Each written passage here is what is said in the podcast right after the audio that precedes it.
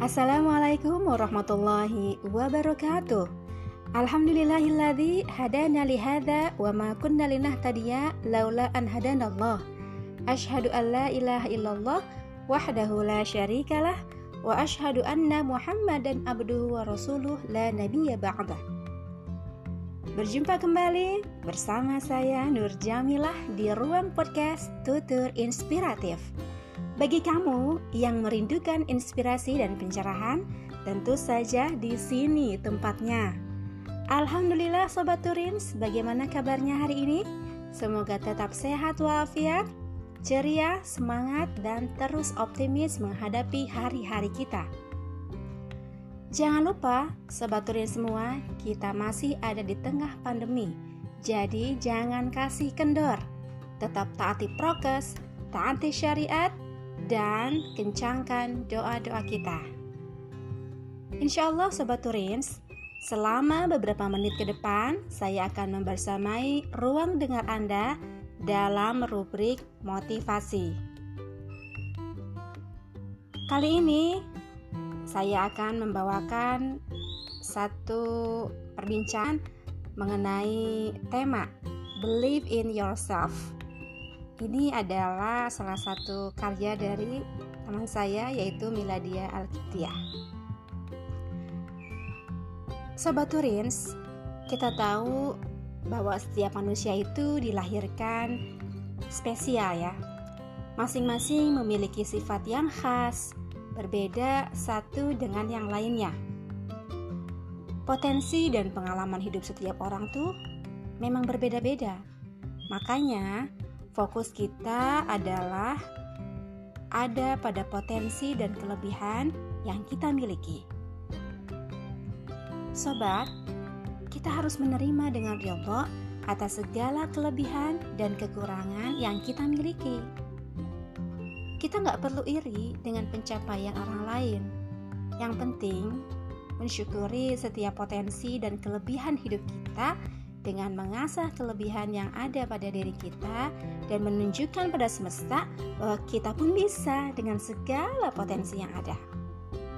Jadi, bukan lagi saatnya menyalahkan diri sendiri atau orang lain. Akan tetapi, menguatkan keyakinan bahwa kita adalah makhluk spesial dari Allah Subhanahu wa taala. Satu hal yang pasti, bahwasanya Allah Subhanahu wa taala tidak akan pernah menciptakan produk gagal dan semua diciptakan sempurna olehnya. Oleh karena itu, jangan pernah membandingkan kisah hidup kita dengan kisah hidup orang lain. Sebab masing-masing hidup kita itu sudah ditulis oleh Allah dalam skenario-nya. Begitupun mencari sumber kebahagiaan hari ini. Orang-orang ramai mengidolakan yang tidak seharusnya diidolakan. Maka, mengembalikan sumber kebahagiaan hakiki seseorang adalah dengan mengubah mindset atau pola pikirnya. Bahwa yang memberikan kebahagiaan itu bukan mereka, iya, bukan manusia, melainkan Allah yang Maha Rahman dan Maha Rahim. Semua nikmat yang dirasakan sampai detik ini diberikan suami, orang tua, anak, saudara, sahabat, harta, atau uang. Semua itu berasal dari Allah Subhanahu wa taala. Dan Allah bisa saja mengambil nikmat itu kapan saja Dia mau. Bahkan kita masih bisa bernafas hingga detik ini karena kemurahan hati Allah yang belum memerintahkan malaikat pencabut nyawa mengambil nyawa kita. Sangat mudah bagi Allah mengambil semuanya, karena Allah Maha segalanya dan pemilik segalanya. Apa yang kita punya hanya Allah titipkan buat kita sementara. Lantas, masihkah kita mencintai sesuatu selain Allah Subhanahu wa taala? Sobat Turins, kita sepatutnya bersyukur sebab terlahir dalam keadaan Islam. Pun kita beragama Islam sampai detik ini, semua itu karena Rasulullah Muhammad Sallallahu Alaihi Wasallam. Rasulullah sampai titik darah penghabisan, bahkan sampai dikatakan orang gila, tukang sihir. Semua itu Rasulullah lakukan agar Islam sampai kepada kita, umatnya akhir zaman ini. Lalu, masihkah kita lebih mencintai sesuatu selain Rasulullah? Sobat, sejatinya sumber kebahagiaan kita adalah Allah dan Rasulullah. Jadi, jangan biarkan segala sesuatu berhasil memalingkan kita dari kecintaan pada Allah dan Rasulullah. Ingatlah, satu-satunya tempat meminta perlindungan adalah pada Allah. Pun yang memberikan syafaat di hari akhir adalah Rasulullah. Namun, jika kita mencari sumber kebahagiaan lain selain Allah dan Rasulullah, maka Allah dan Rasulullah pun akan berpaling dari kita di hari akhir nanti. Ingatlah kita akan firman Allah Subhanahu wa taala. Sungguhnya Allah membeli dari orang-orang mukmin baik diri maupun harta mereka dengan memberikan surga untuk mereka. Sobat, kamu akan semakin percaya diri bila bergelut di dunia dakwah. Karena jalan dakwah ini tidak ditempuh oleh semua orang. Ada banyak sekali ujian yang akan Allah timpakan kepada mereka yang telah ikhlas berjual beli dengan Allah. Dakwah adalah salah satu produk jual beli yang bahkan balasan bagi mereka lebih baik dari unta merah. Sebagaimana sabda Nabi Sallallahu Alaihi Wasallam.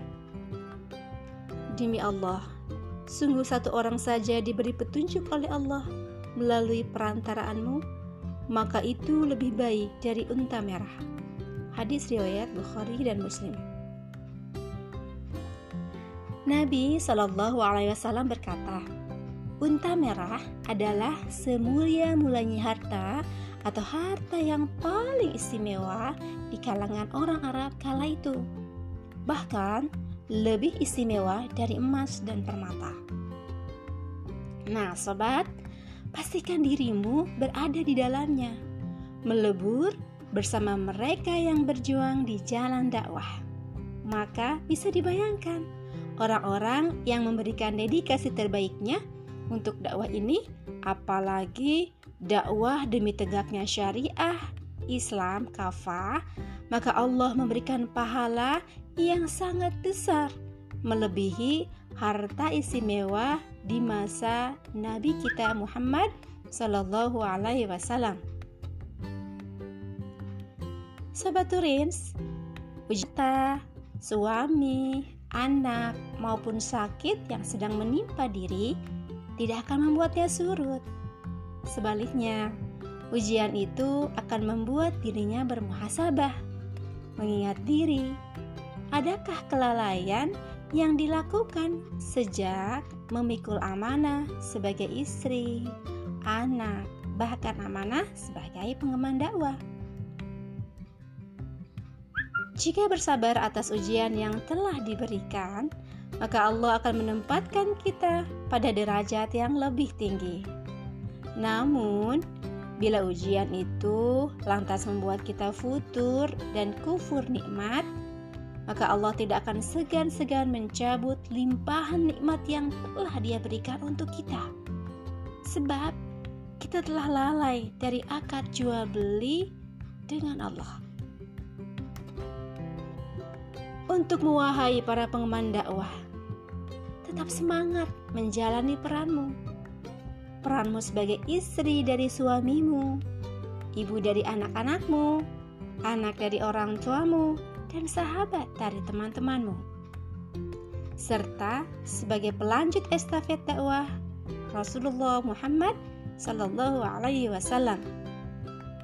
Sungguh, Allah ingin engkau melanjutkan kehidupan Islam lewat risalah agung dan menyambut bisyarah mulia.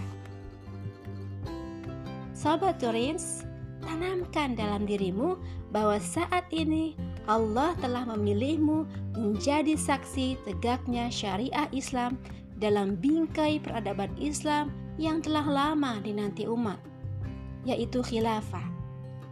Semoga kelak para pengemban dakwah dikumpulkan di jannahnya, duduk di atas dipan-dipan yang berhadap-hadapan. Amin ya Allah ya Rabbal Alamin. Demikian sobat pembahasan kali ini, semoga bermanfaat. Wabillahi taufiq walidayah. Assalamualaikum warahmatullahi wabarakatuh.